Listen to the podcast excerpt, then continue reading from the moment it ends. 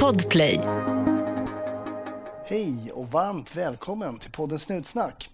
Jag heter som vanligt Hasse Brontén och idag så heter min gäst Eva. Eva kommer berätta om en händelse som hon var med om i tjänsten där hon hamnade i det som man i polisiära sammanhang kallar för underläge. Och det hör man ju på ordet att det vill man ju liksom inte hamna i.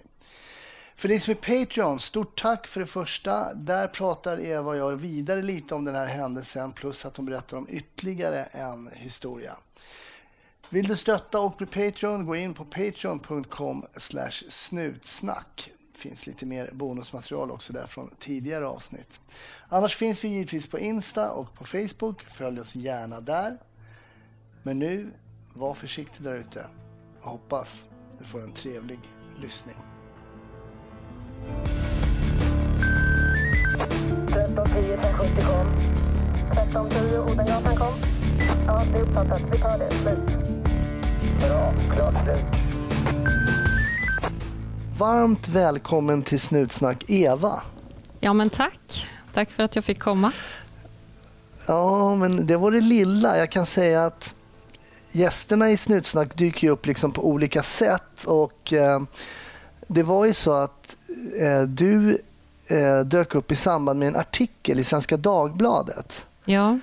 Eh, där det handlade om en incident som du hade varit med om för cirka fyra år sedan. Och jag tänkte att vi kanske skulle komma in på den och prata om den också. Men du jobbar ju som polis i Borås nu vet jag. ja.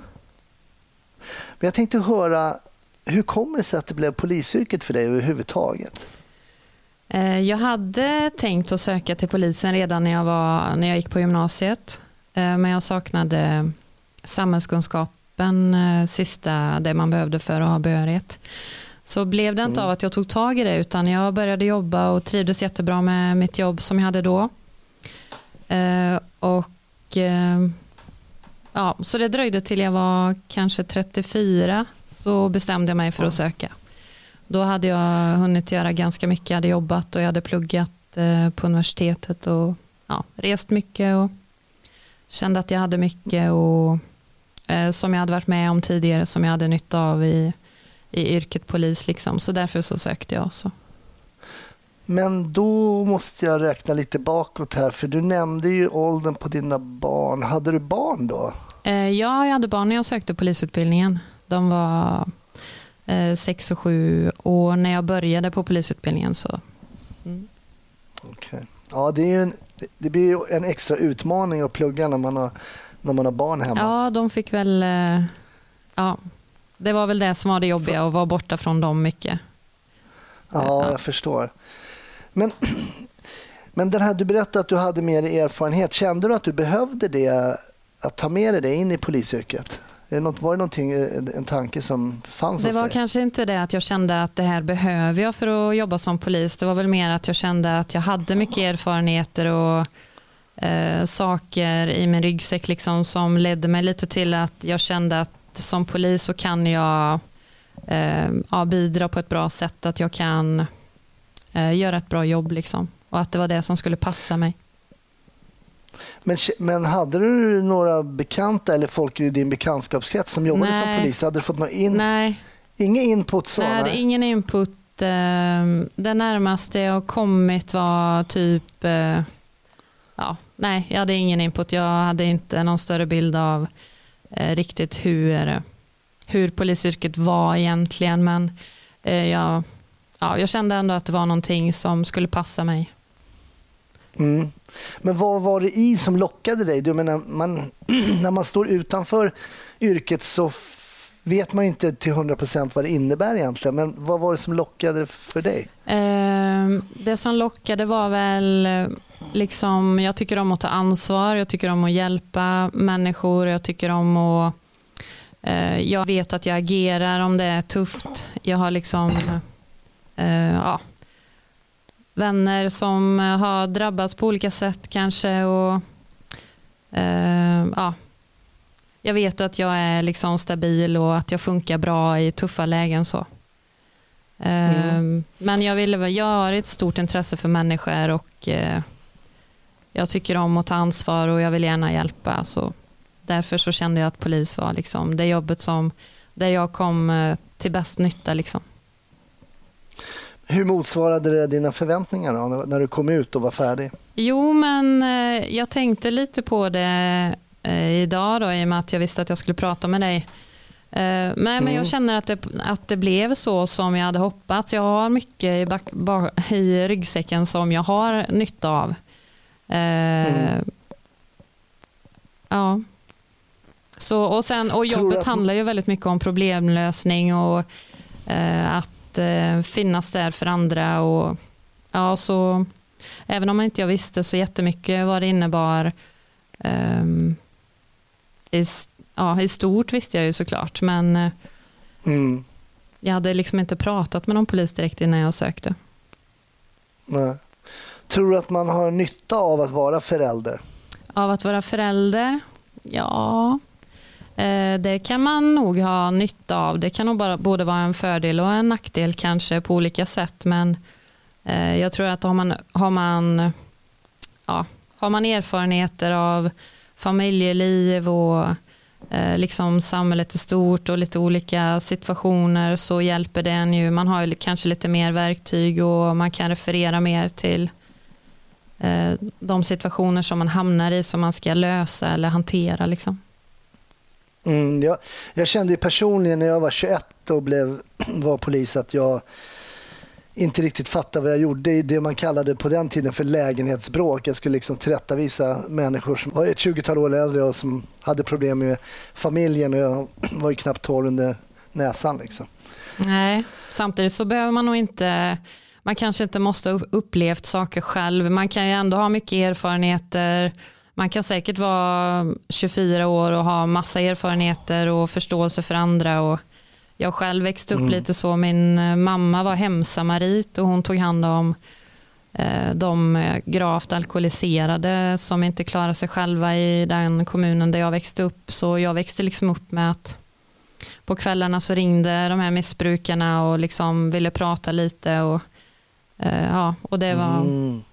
det var liksom så jag växte upp. Så även om man inte har någon egen erfarenhet av till exempel missbruk så kan man ju ha träffat på det i, i, ja, på annat sätt. Och även om man inte, man behöver ju inte vara så Såklart, gammal ja. heller för att ha fått erfarenheter. Och, eh, ja. Nej. Nej, men så är det. Vi har ju alla med oss erfarenheter oavsett ålder som kan, kan vara till gagn även i polisyrket såklart. Men när du var färdig, hamnade du i Borås direkt då? Ja. Eh, ja, precis. Jag var färdig i januari 2010 och sen dess har jag varit eh, i Borås, eh, bortsett från aspiranten och vad vi hade som man kallar för sjätte termin när vi gjorde lite utredningstid under några månader. Så sen dess har jag varit på ingripande Mm. polisen i Borås. Okej då, men varför är man kvar? Det är ju många som eh, lämnar ganska tidigt eh, Ja. ingripande, det som man kallade för ordningspolisen innan. Men du är kvar. Varför är du kvar på ingripande sidan? Um, ja, det är ju det. Jag känner att det är där liksom mitt eh, stora hjärta ligger. Liksom. Jag, jag tycker jättemycket om ingripande polisen och att det är ett otroligt viktig, en otroligt viktig roll man har i samhället. Eh, sen är alla poliser viktiga oavsett vad man har för funktion så, så är den helhet, liksom en ingripande polisen är den som, som ligger varmast mig och som eh, passar mig eh, bra. Ehm, Så jag har inte känt att jag har någon brådska därifrån. Jag har motiverat mig att jag vill vara kvar absolut så länge det går. Okej. När man pratar med människor, när man pratar med kollegor som går i pension och så frågar man dem eh, vilket är det bästa du har gjort liksom i din karriär och då kanske de har jobbat i 40 år liksom, som den gamla skolan har gjort. Eh, Men alla säger att ingripande polisen är det, det bästa och det roligaste de har gjort. Även om det är extremt tufft Mm. och svårt och supersorgligt många, många gånger. Eh, Och tungt och det, ja, skiftet sliter och man vet aldrig när man får äta eller gå på toaletten eller hur länge man kommer att vara på ett ärende. Liksom. Men ändå så är det ju det som många i alla fall, de allra flesta jag har pratat med säger är det bästa de har gjort. Vad har du för tjänst idag då? Eh, ja, men jag är på ingripande polisen. Jag är gruppchef över ett turlag i, eh, ja, på treskiftet. Hur många är ni i turlaget då? Ja, det har ju minskat lite. När jag började så var vi kanske 13 stycken plus en gruppchef men nu ligger det väl ja, mer runt 10 kanske. Men vi är lite, det är lite kort om folk just nu men eh, det är många som pluggar på skolorna runt om i Sverige så vi får väl lite påfyllning här allt eftersom. Hur går det för Christian?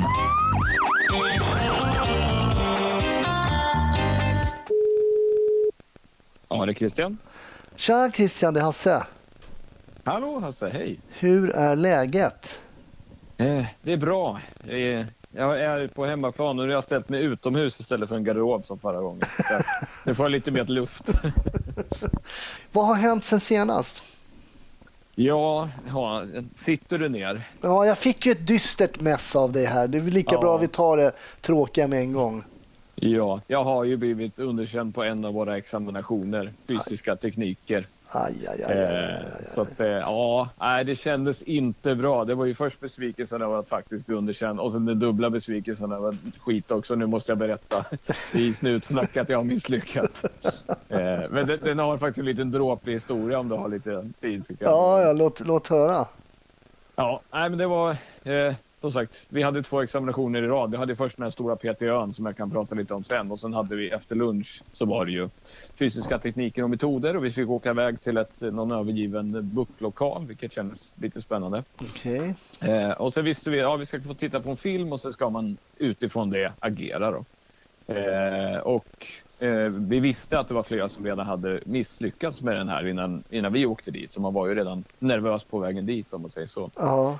Och eh, scenariot som man fick när man tittade på filmen var att eh, man åker på ett inbrott och kollegan är väldigt eh, ivrig och springer in i förväg och sen så hör man ett skott och sen får vi ta över. Så att eh, eh, det är ju ett lokaliseringssök fast de la på att det, ens kollega troligtvis ligger och blöder där inne någonstans. Så det var ju det var nytt för de flesta av oss. Just det. Så då var det ju att söka sig in och det gjorde jag ju sakta och, och försiktigt därför att eh, jag har ju haft en tendens och det tror jag pratade om lite att jag går på väldigt snabbt. Okej. Vilket har gjort att jag har fått ett antal knivar i, i låtsasknivar i bröstet.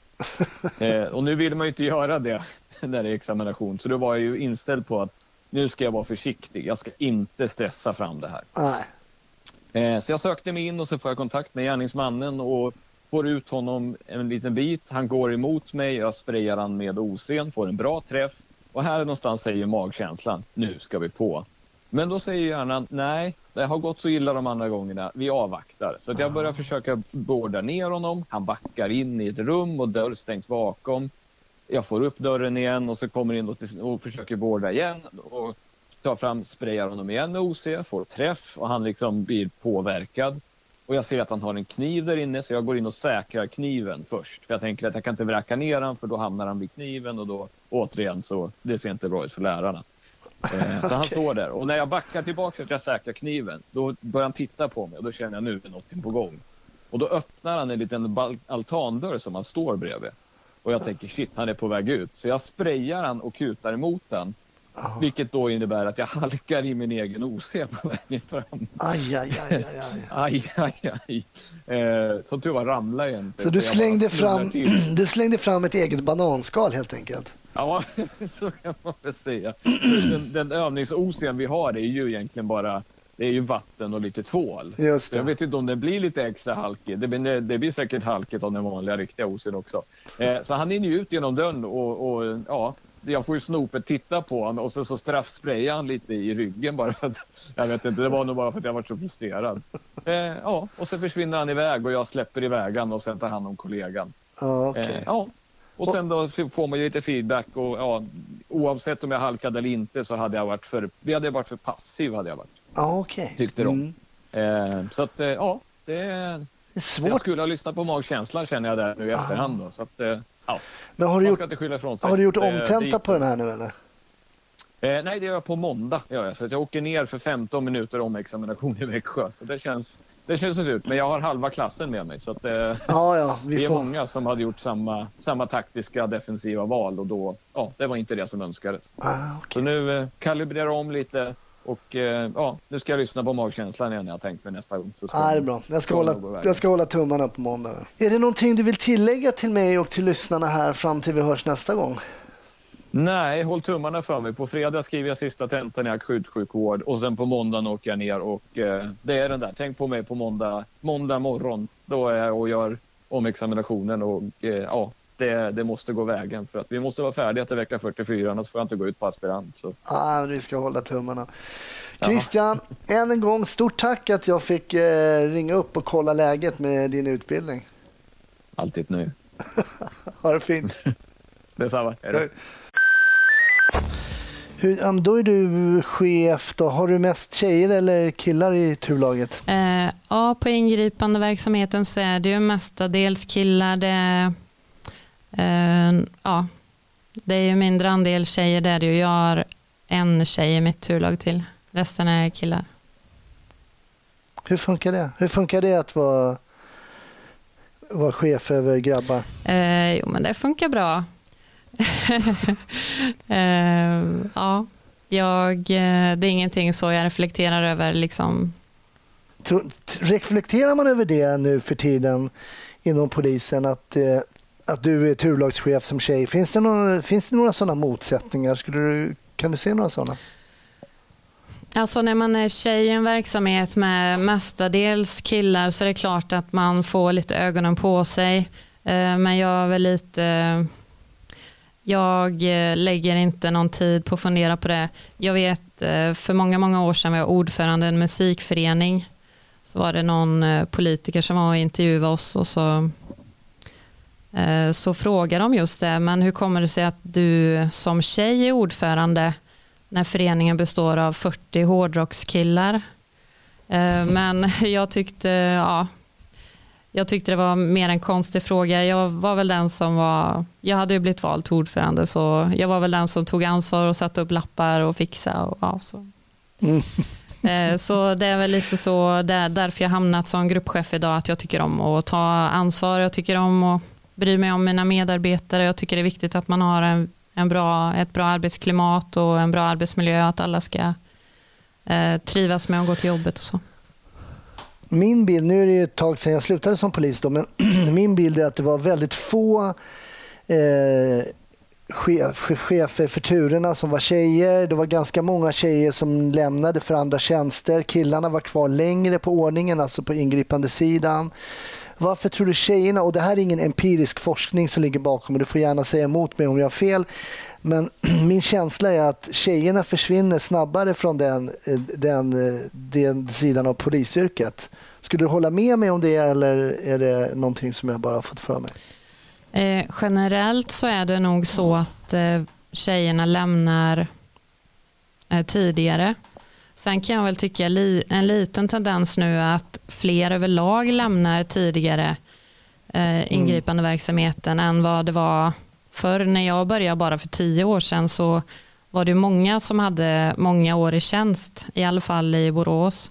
Eh, Men nu har det blivit en större omsättning, men det är väl att vi har fler grupper som drar personal. Vi har områdespoliser och eh, ja, att man får möjlighet att gå till andra grupper. Men ja, för att återgå till det här med, med tjejer och ingripande verksamheten så jag tror att det är lite också eh, vad det är för förväntningar samhället i stort, vad man får för förväntningar hemifrån, vad man har för förväntningar på varandra i turlaget. Ehm, ja, om, om man känner det som Mm. tjej att jag har möjlighet att jag har möjlighet att utvecklas, jag kommer att få ta mer ansvar här, jag kommer att eh, få mer uppdrag och sådär, eller vad är det man känner och vad är det för liksom, signaler som sänds ut. Jag vet vi diskuterade detta på um, en eh, chefskonferens för en tid sedan och då eh, sa jag just det att ett, ett argument som, som många säger varför är det inga tjejer kvar så ett argument är att ja, men de får ju barn eh, men eh, jag vill ju ändå påstå att även killar får barn. Eh, så jag, eh, jag tycker inte att det är en jättebra liksom, förklaring på varför tjejer inte blir kvar. För, ki- för killar Nej. får faktiskt också barn, oftast. Ja, det, det är väl så att man, man får det tillsammans. Ja. Det är en ganska korrekt bedömning. Ju. Den här händelsen, jag tänkte ändå att vi måste prata om den lite grann. För att, eh, nu vet jag att det här låg bakom betalvägg på Svenska Dagbladet. Så jag tror att det kanske inte alla lyssnare som har läst den här artikeln som för övrigt var väldigt intressant tycker jag och som speglade en bit av polisarbetet som inte kanske allt för ofta kommer ut till allmänheten. Men det här var ett ingripande som du gjorde för, för fyra år sedan. Kan det stämma att det var fyra år sedan? Kommer jag ihåg rätt? Ja. Eh, I maj, eh, maj för fyra år sedan. Vad, hände, vad, vad åkte ni på för jobb och, och vad var det som hände då? Ehm, ja, det skrevs en artikel här nu då i tidningen om detta just för att lyfta upp problematiken eh, som eh, vi möter på ingripande polisen och det är inte bara i Borås, det är ju eh, på flera platser och särskilt storstäderna men att det även finns i städer som Borås. Då. Ehm, vi skulle bara åka och kontrollera en moped. Kollegorna hade kört efter en moped som de ville kontrollera. Föraren försöker köra ifrån dem och då när han kör över ett Ehm, en trottoarkant så välter han eh, och eh, han slår sig så de ska köra upp honom till sjukhuset. Så egentligen ett ganska odramatiskt case som ni blir ja, ombedda att åka på? Eh, solen mm. sken och det vi inte visste, då, jag och min kollega, det var att det var otroligt många ungdomar i det här utsatta området i Borås som hade samlats för att spela fotboll den kvällen. Eh, det har varit superfint väder i eh, en hel vecka så alla ungdomar var ute eh, och mm. hade samlats för den matchen. Och vi stod på andra sidan leden och skulle bara kolla om den här mopeden, om den var stulen eller ja, liksom så här. Ehm, så min kollega ropade upp ledningscentralen och drog chassinumret där. Ehm, mm. Och våra andra kollegor då, som hade kört upp killen mot sjukhuset, då, de hade ju lämnat. Och då ser jag hur det kommer folk springande och jag ser på dem att de är otroligt motiverade. De springer så här väldigt fort eh, och bestämt mot oss. Eh, så jag känner att eh, det är någonting på gång. liksom. Mm. Hur kan man känna det där? Nej, jag, såg, jag såg bara på dem att de sprang inte som att Åh, nu ska vi sticka bort och kolla här lite utan de sprang som att nu måste vi skynda oss allt vad vi kan dit. Liksom. Så mm. de kom springande Eh, och jag står bara helt lugnt där solen skiner och det är inga människor runt omkring oss där det är helt stilla en tisdagkväll. Liksom. Ehm, men de springer fram eh, och jag ser på dem att de är helt uppjagade av världens puls och superstressade och börjar eh, rycka och dra i den här mopeden. Så jag bara försöker lugna dem och säga men vad är det med er? Liksom, vi ska bara kolla mopeden, liksom. lugna er, backa undan. Liksom. Mm. Ehm, men sen så kommer det ännu fler människor, eh, ja, framförallt killar och springande som har ja, gjort gemensam sak och lämnat den här fotbollsmatchen. Så mm. det kanske var en 150 pers eller något som eh, lämnade fotbollsmatchen där och sprang, eh, sprang till oss och där vi stod med den här mopeden. Mm. Um, ja, hur är, hur är läget för dig nu? Du har ju sett de här komma springande mot dig. Ja. Du känner att det är inte bara att de ska liksom vara lite nyfikna utan börjar, får du liksom någon, börjar du få förhöjd puls här? Börjar du liksom tänka vad är det som händer? Ska jag larma? Vad, vad händer i ditt huvud just här när, i det här momentet? Ja, jag, ehm, jag, jag försöker nog ehm, jag försöker nog räkna ut vad det är, vad, varför de är så uppstressade och varför de är så intresserade av den här mopeden. Eh, men jag mm. visste inte då att eh, den här killen som hade ramlat eh, hade ropat till en som stod en bit bort. Säg till min brorsa, ropade han. Så en kille som stod där i näten när den, ja, mopedföraren blev satt i bilen, han har ju meddelat dem på matchen helt enkelt. Okay, så därför okay. så kommer alla springande och ja, det sprids ju som en löpeld att polisen har gjort något ingripande och alla kommer springande mot oss. Eh, så ganska snabbt där så blir stämningen ja, väldigt eh, spänd kan man väl säga. De samlas i en ring runt oss och då säger jag lite dolt på radion att vi behöver förstärkning hit.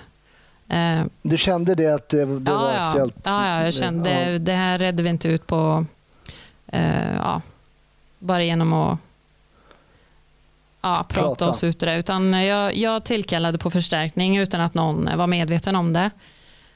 Men var ni två, är ni två patruller Nej, där är då? Har jag uppfattat rätt? Då? Det är jag och Det är en kollega. en patrull. De andra har ju åkt Ah, iväg till ja. sjukhuset med han som hade slagit sig. Just det, så ni har egentligen bara mopeden? Ja, vi ni... står ju där med en moped som ligger och jag fattar ju inte varför de, varför de brydde sig så mycket om det. Eh, och I början så kunde jag liksom säga, men Gunda nu, lugna dig, det är ingen, ingenting att stressa upp sig för detta. Eh, Men sen så blir det ju stökigt, eller stökigare i alla fall. Så är plötsligt så blir den kollegan som jag är där med, får ju hon en spark eh, i bröstet som flyger bakåt. Eh, Oj. Och då, eh, jag försöker hela tiden ha observation då, så att jag har koll på vad som händer. Även, ja, jag får ju liksom ha ett rätt brett perspektiv där på vad det är som håller på att utveckla sig. Så samtidigt som hon får en spark i bröstet så ser jag att någon hoppar upp på polisbilen och krossar, ja, hoppar på motorhuven och stampar sönder ja, fönsterrutan och hoppar på taket och sådär. Och då inser jag att det är ju, ja, då är liksom alla spärrar släppt. Då har det ju totalt ballat ur och är, då är de också väldigt många som har samlat sig runt oss. Men så fort min kollega sparkas iväg så börjar jag spraya mot dem som stod framför henne. Då. Eh, Och den, Och då den som hade, du OC-spray ja, visst, sprayar OC-spray, pepparspray.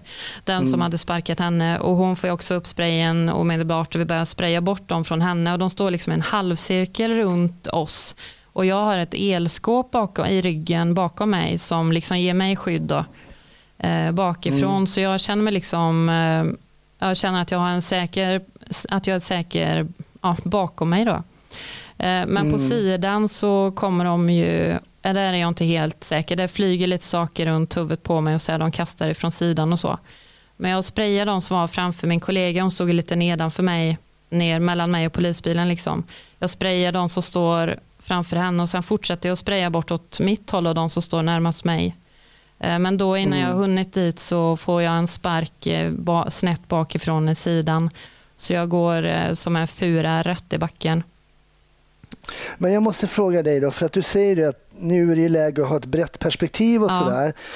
Men jag kan tänka mig att adrenalinet börjar slå på här och många som eh, blir stressade känner ju av den, det som man brukar kalla för stresskonen. Liksom, Mm. Att man kanske inte får ett brett, brett perspektiv. Hur, kände, upplevde du någonting av det i det här läget? Att du känner att du konar eller har du fortfarande liksom ett ganska brett perspektiv? Eh, ja, alltså jag var superfokuserad. Eh, så i min hjärna så spelades hela det, det här upp när det verkligen blev eh, eh, ja, när det verkligen blev illa där. Så från, från det så spelas liksom allting upp lite i slow motion i min hjärna. Eh, så liksom kanske låter lite flummigt, men just om man utsätts, om man utsätts för extremt hot så, så kan det vara så att hjärnan reagerar genom att liksom maxa så att man spelar upp det lite i slow motion, själva händelseförloppet och jag tror att många har upplevt det. Eh, när det har varit Mm. hastiga situationer så, här, så har man ändå observerat saker. Eh, Så jag kände, jag tänkte kände ingen stress. Det enda jag kände var att när jag hade bett om förstärkning att jag hade låtit så lugn. Så jag tänkte att har inte mina Mm. kollegor uppfattat det att vi behövde förstärkning. Eh. Så jag bara, vad fan kommer de inte för? Så då trycker jag på radion, liksom, vi behöver hjälp, vi behöver hjälp säger jag då. Nu måste de fatta tänkte jag. De hade fattat Mm. första gången jag sa det lugnt. Eh, Så de var på Okej. väg i full fart men det tog ju ändå eh, liksom någon minut innan de var framme och allting detta hände extremt eh, snabbt. Ja, I alla fall, jag får Mm. en spark, går i backen och då tänker jag, när jag faller i backen här så tänker jag att det här är riktigt illa. Jag kan inte, det, det är inte läge att ligga ner här nu när jag har liksom hundra pers runt omkring mig. Så jag flyger upp direkt och så börjar jag spraya mot det hållet som sparken kommer från. Eh, och då rörde sig en kille mot mig. Eh, eh, ja, I min värld då, så tyckte jag att han gick liksom en bra bit men när man gjorde konstruktionen sen så insåg jag att det var bara någon meter som han rör sig mot mig. Då. Jag sprayar mot honom, han döljer sitt ansikte. Jag ser bara hans, eh, si, han går med sidan mot mig och eh, håller sin eh, vänstra handarm liksom för sitt ansikte. Och jag sprayar mot honom och så tänker jag att eh, han måste lokalisera mig någon gång och då kommer jag att spraya han i ögonen. Eh, Men jag vill, inte lämna, jag vill inte backa undan heller för jag ville ha den här elskåpet då, som skydd i ryggen där. Så därför står jag kvar och så han kommer alldeles nära och när han är nära då så, tänk, så viker han ju ner armen lite för att titta var jag är för att lokalisera mig liksom. Och samtidigt som han gör det så drar han ju upp högerhanden rätt upp i luften. Han är någon decimeter längre än mig också. Så han drar upp högerhanden rakt upp i luften och då har han ju dolt en kniv som han har hållit ut med underarmen liksom när han går fram och så har han gömt, han gömde högerhanden bakom sin rygg liksom hela tiden när han går fram mot mig. Så jag såg ju inte att han Mm. hade kniv förrän han står precis intill mig och höjer upp handen. Jag hinner tänka massa saker. Jag hinner tänka att jag hinner se på hans blick att han är supermotiverad. Han är eh, liksom vansinnigt motiverad och eh, eh, otroligt bestämd. Jag förstår att han ska döda mig. Liksom. Det är hans, hans, Mm. eh, eh, hans bestämda mål där och, och döda mig. Mm. Och det är helt, eh, alltså det finns ingen tvekan överhuvudtaget i hans blick där. Ehm, och jag hinner också registrera hur kniven ser ut. Jag ser formen på den. Eh, Jag ser färgen på den. Jag ser att den är svart och den är böjd så här som en sån jakt, jaktkniv. Liksom. Den var runt Wow. 30 centimeter lång så det är en rätt rejäl kniv han drar upp.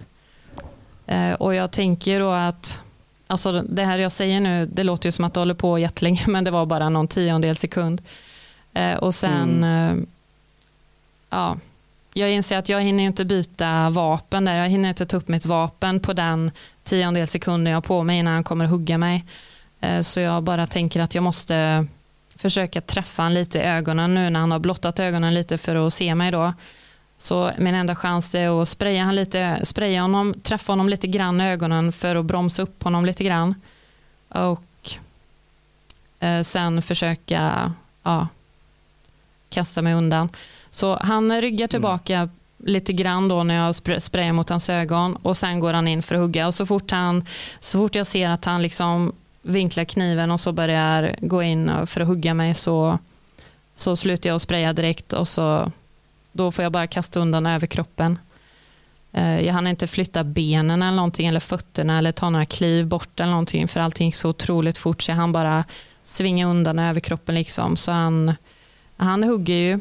Eh, han följer med hugget liksom hela vägen mot, ja, hela vägen ner om man säger så, rakt uppifrån och så hela vägen mot mitt huvud då liksom och min hals. Men eh, jag svänger mig undan så han träffar eh, framför armhålan kan man säga.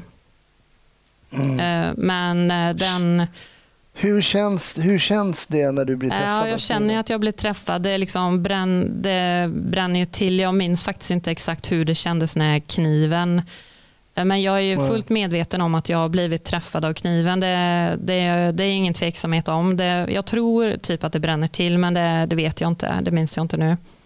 Men jag vet att jag har blivit eh, knivhuggen. Eh, jag har ingen aning om hur djupt det har gått eller vilken skada jag har fått av det. Eh, och eh, han skär jag har ju skjorta på mig och eh, t-shirt och så, så han känner ju att han får träff också. Eh, för Mm. Det är ändå en, en del tyg han också skär igenom. Då. Sen var ju kniven, som åklagaren sa, det är som att skära i smör med den kniven. Men Aj, aj, aj. men, eh, ja, men han känner i alla fall att han får träff. Så när han har gått igenom hela hugget där, då, har jag, då kniper jag åt liksom med, med armen så för att trycka till ifall att jag hade fått en allvarlig skada. Liksom. Så jag trycker till Mm. och så får jag upp pistolen Eh, och jag håller ögonen på honom hela tiden, liksom över min axel när jag har vänt mig om det. Då. Men jag håller koll på honom hela tiden och han, så fort han har eh, fullföljt sitt hugg så eh, vänder han sig om och springer som ja, han springer allt vad han kan då, genom folkmassan.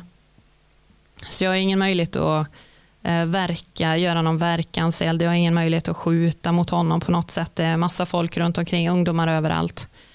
Eh, så jag Mm. står där och eh, ja, då säger jag på radion, eh, också helt lugnt. Eh, en kollega beskrev det som att det lät som att jag beställde pizza typ. Så sa jag, jag har blivit knivhuggen, sa jag. Och där hör ju mina kollegor, de är på väg fram i full fart. De kör precis allt vad de kan ifrån ja, centrala Borås. Det är inte lång väg de åker. Ehm, Men de hör mig säga det på radion och jag har blivit knivhuggen. Och sen så drar ja, jag, jag mantlar pistolen då. Eh, Först när jag bara drog upp pistolen så backade alla kanske 10-15 meter kanske folk flyttade sig ifrån oss då. Mm. Eh, Och min kollega hon drar ju också vapen då när, eh, när hon förstår att jag blivit knivhuggen. Men ja, nästa steg jag gör, då är det ändå stilla men alla står 15 meter bort, 10-15 meter. Då mantlar jag. Eh, Och när de hör det ljudet och ser den mantelrörelsen, då får folk panik. Då får de här killarna panik, så då springer de. De skriker och springer kanske så att de ställer sig på 40 meters avstånd. Då. Så då liksom lämnar de, ja, de springer upp till en parkering som ligger en bit ovanför oss, och 40 meter, 40-50 meter kanske. Så då är, vi, då är ju alla borta där, men och då kommer första polisbilen som ja, har förstått att vi behövde hjälp där, då kommer de fram. För det där är ju intressant att du, för, för er lyssnare som inte jobbar som poliser och inte har någon kännedom om vapenhantering och så, så, så innebär ju det här med att du säger att du mantlar ditt vapen, alltså det innebär ju helt enkelt att du för upp då en kula i loppet och är liksom helt redo för verkanseld med lättare tryck då på hanen också i och med att hanen stannar upp. Ehm, det är ju intressant att man har kännedom ändå, och jag vet inte om man har kollat på film eller men ändå när du drar upp en pistol så backar man en, en, ett visst avstånd men när du mantlar så inser man att nu är det ett än större allvar och backar då ännu mer. Så det, den kännedomen finns då hos de här ungdomarna på något sätt. Ja. Ja, en del blev så rädda så att de tappade sina mobiltelefoner till och med när de sprang iväg. Och, ja, det finns ju en, eh, eller det fanns en Youtube-film från den här händelsen. En kille som, som filmade detta från att, eh, från att typ jag mantlar. Så står han på parkeringen en bit upp och filmar.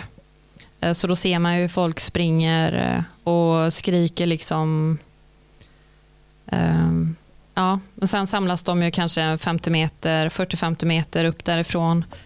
Ehm, och den första polisbilen som kommer, det är de som har skjutsat han mopedföraren som hade slagit sig. Så de kommer tillbaka med han i baksätet där. Eh, För de har vänt då för att de förstod att vi behövde hjälp. Ja, just. Ehm, ja, och sen ansluter ju, jag måste ju passa på att säga det medan jag, jag har möjlighet. Eh, Alltså, det är så många som ansluter sig. Alla kollegor i, eh, i Borås liksom och sen många kollegor som var hemma och var lediga bara packade sig in i bilarna och åkte till jobbet och rustade på och kom ut till platsen. Och, mm, alla kollegorna i Göteborg Eh, Det är, inte så ofta, det är inte så ofta vi träffas trots att vi gränsar till varandra men de satte full fart mot Borås direkt så ledningscentralen fick liksom hejda dem i Landvetter några bilar för att inte Göteborg skulle vara helt to- polistomt. Nej, så det, och sen efterföljande utredning och sådär. Alla har ställt upp till helt fantastiskt och engagerat sig och, och jobbat eh, superbra. Så det slutade ju, det blev ju en man fångade in den här killen en vecka senare, han som knivhögg då. Och, Mm. eh, så han blev ju, det blev rättegång och eh, ja, man fick utrett händelsen ordentligt. Vad, vad blev det för dom? Han eh, som hade kniven han blev dömd för mordförsök i, eh, ja, i tingsrätten och i hovrätten. Sen överklagade han ytterligare ett steg men de valde att inte eh, pröva själva eh, domen utan det enda som eh, prövades då det var påföljden för han letade fram ett pass då till sista tredje instansen och då hävdade han att han var 17 år när detta hade hänt så då då fick han eh, två år och tre månader på ungdomsvård för att han eh, visade på att han var 17 år. Då. Mm. Det är väldigt intressant för ditt avsnitt kom ju efter avsnittet med Fredrik Kärrholm som då eh, är kriminolog och polis och propagerar för högre straff och jag tror inte han hade varit nöjd med just det här straffet för mordförsök på en polis. Men jag är väldigt intresserad av vad som händer med dig när du berättar att många kollegor ansluter, även från Göteborg och, och det är ju helt fantastiskt. Eh, men du står där, du har ju fått en knivskada. Vad händer med dig? Vad händer med ditt huvud? Hur tänker du? Vad, vad, vad gör du? Ja, nu är jag ju uppfostrad eh, lite konstigt så. Vi brukar inte eh, så här, springa till sjukvården i första hand i min familj. Så eh, Eh, vi kollade, jag och min kollega, ja, min kollega kommer fram och så undersöker hon eh, hur illa skadad jag är då. Eh, jag tycker inte det ser så himla farligt ut så jag jag säger nog till henne att vi inte behöver åka till sjukhuset. Men det är ju helt eh, galet och det får jag skylla mina föräldrar enbart Eh, för den dåliga insikten. Eh, nej, så vi får hjälp av, eh, det kommer ut kollegor varav civila utredare och så. Så en civil utredare kommer och, och tar mig och min kollega och kör oss till sjukhuset och sen fortsätter ju mitt eget turlag då som jobbade den kvällen och ja, de fortsätter ju med arbetet på platsen här, spärrar av och eh, ja, säkrar FU som vi säger. Man ja, letar efter, ja, framförallt kanske efter brottsverktyg och sånt där, efter kniven och så. Mm. Men ja, det hittar man eh, det. dagen efter så hittas kniven i närheten där. Mm.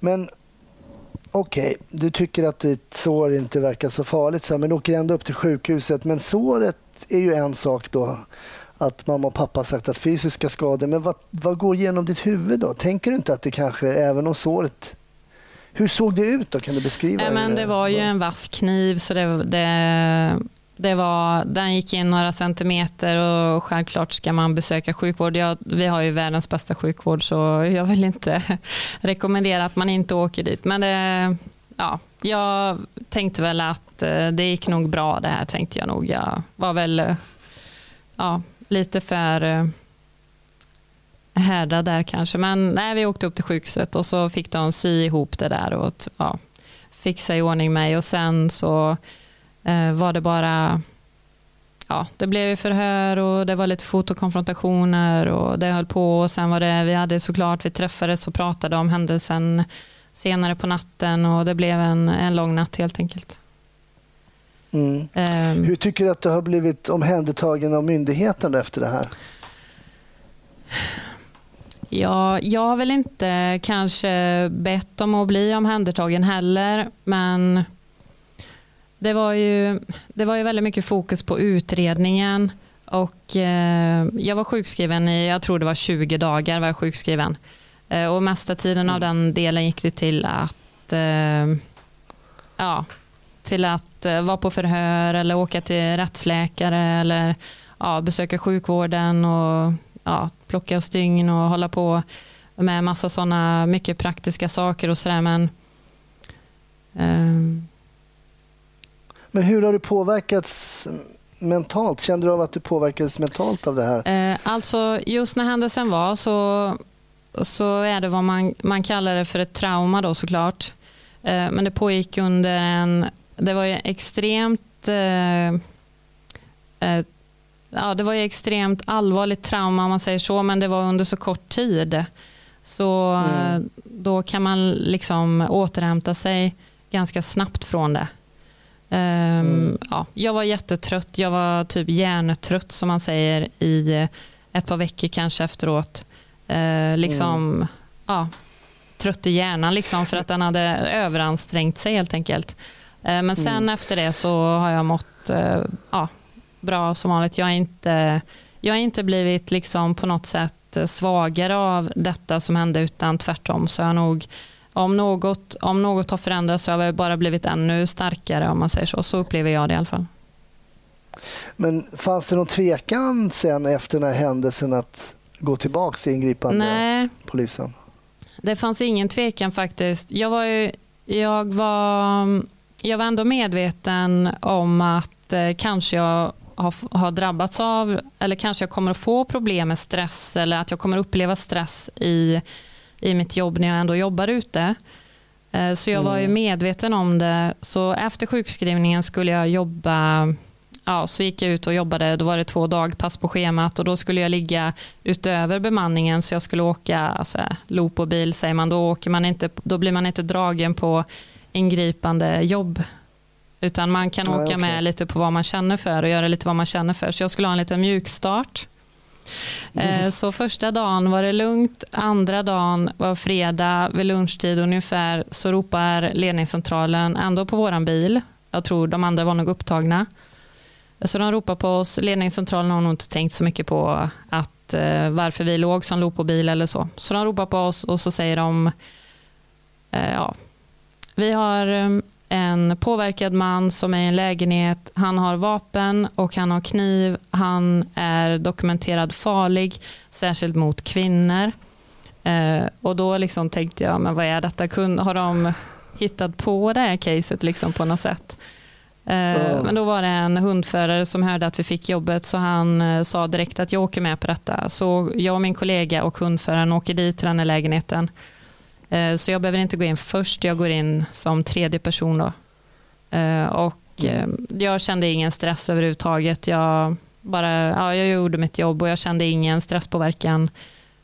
Så förutom när vi fick jobbet då, då tänkte jag vad är detta, är det ett skämt liksom? Men, Ja, jag kan förstå det. men då kände jag att jag blev prövad i alla fall och så kände jag att nej men jag har klarat mig bra, jag, ingen, jag mår inte dåligt på något sätt, jag blir inte orolig eller stressad. Så.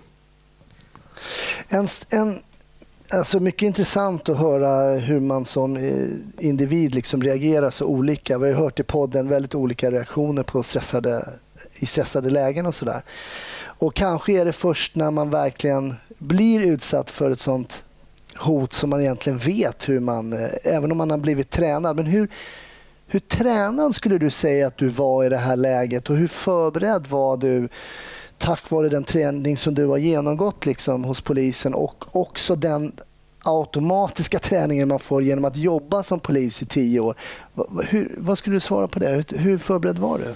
Ehm, jag kanske, nu finns det säkert en del som tycker att man skulle ha gjort annorlunda eller, eller som tror att Finns man hade alltid. kunnat sparka bort honom eller sådär. Och det finns säkert kollegor som hade kunnat gett han en karatespark så han hade flugit iväg men eh, just den kompetensen och den förmågan hade inte jag där och då. Självklart, självklart var det ju efter ett nattpass. Detta hände på ett kvällspass direkt efter ett nattpass. Jag hade sovit tre timmar. Eh, Så det jag tog med mig därifrån var att även om man känner sig, alltså vad mycket man klarar av egentligen. För Mm. trots att jag bara hade sovit tre timmar, jag hade jobbat ett antal nattpass innan den här kvällen, eh, så jag var ju liksom inte så extremt fit for fight egentligen. Men ändå när det, när det verkligen gäller så kände jag att man, eh, eller jag kan lita på att hjärnan och kroppen fungerar eh, mycket bättre än vad jag någonsin hade kunnat föreställa mig faktiskt. Mm.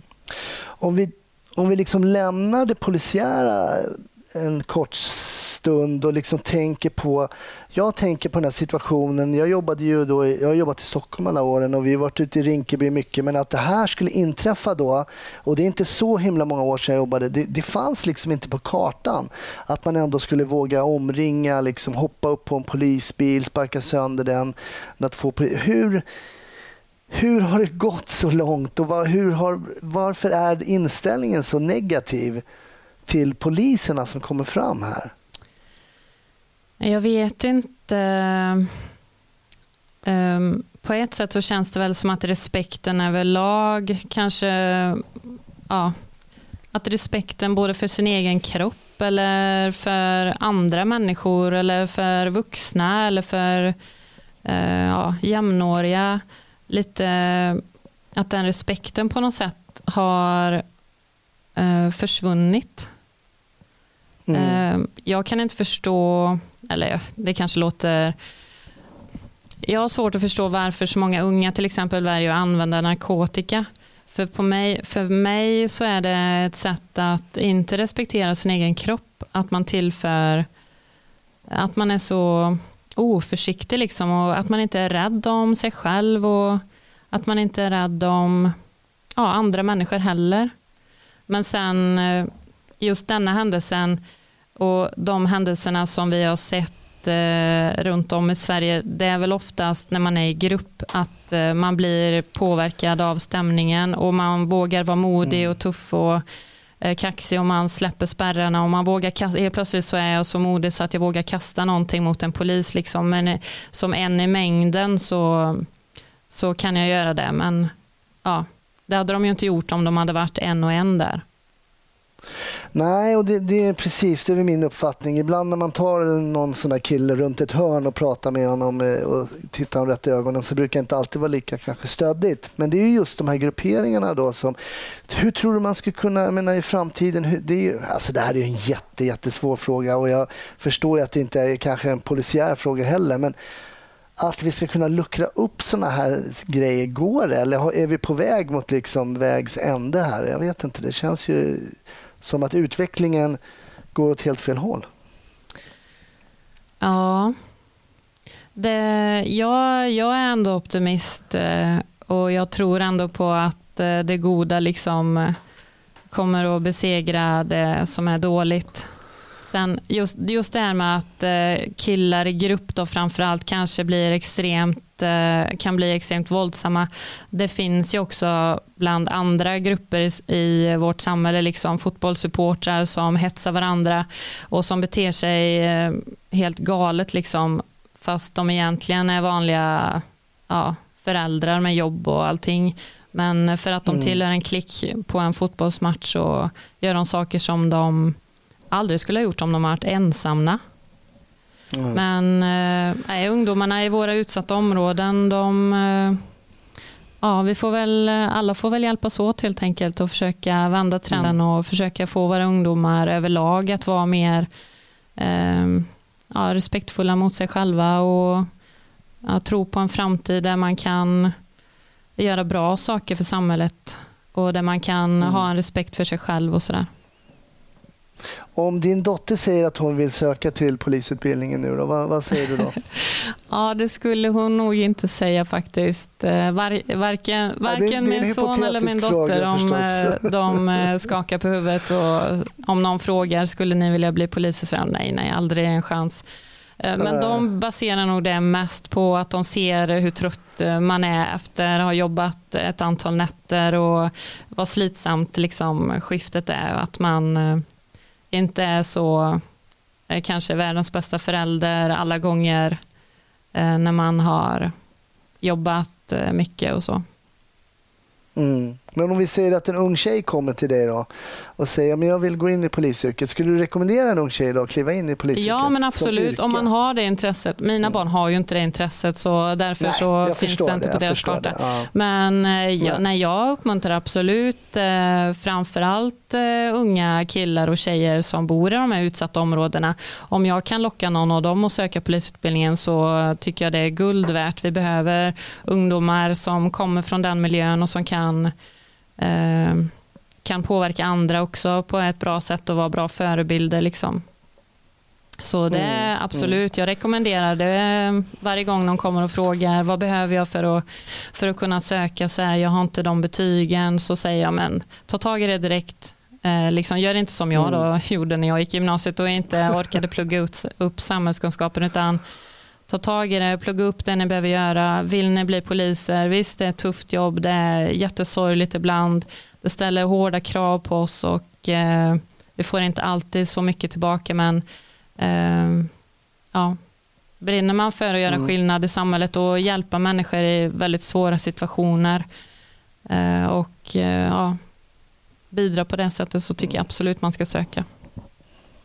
Ja, det är härligt.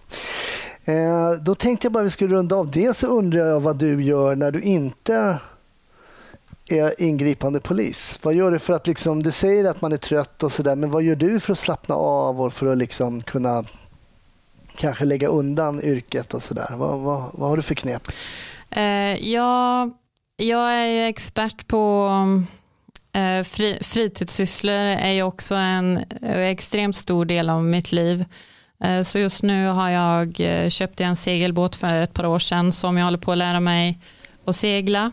Eh, och, Själv Ja, eller vadå? Alltså min familj vill inte ha någon båt så då köpte jag en själv.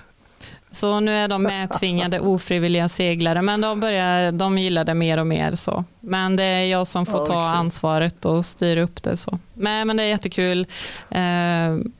Eh, det det är ett intresse som man får lära sig väldigt mycket av och eh, det var en helt ny värld för mig. Sen, eh, ja. jag håller på med musik eh, och många av mina vänner också håller på med musik och eh, sen är jag ute i skogen och det är nog eh, ja, det absolut viktigaste att få komma ut och få frisk Mm. luft. Och, Då ska jag bara fråga om du kollar på polisfilmer. nej, det gör jag inte. Jag, jag varken kollar på polisfilmer eller läser polisböcker eller deckare eller någonting. Nej, det är Eh, ja, så. så Så din rekommendation till lyssnarna blir att gå i skogen istället? Ja, eller umgås med Ja. vänner. Jag, alltså jag tycker det är viktigt.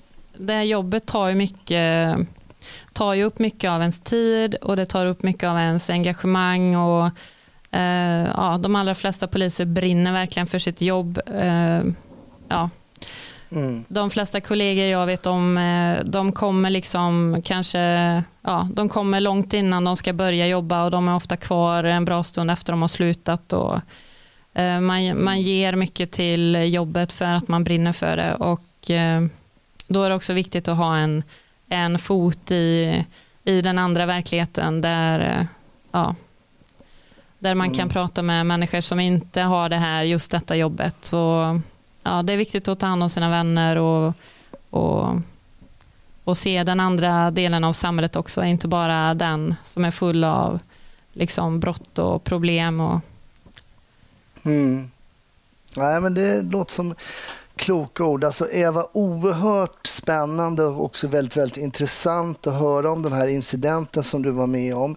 Men vi pratade i telefon eh, för någon dag sedan och då sa du så här, om du hade frågat mig om en händelse som har suttit kvar i mitt minne, då hade jag nog inte valt just den här händelsen, sa du till mig. Och jag tänkte att den händelse som du har i dina tankar och i ditt minne, att den ska våra Patreons få höra.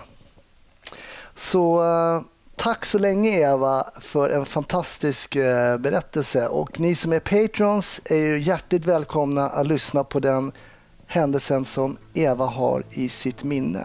Tack så länge då, ja, Eva. men tack ska du ha.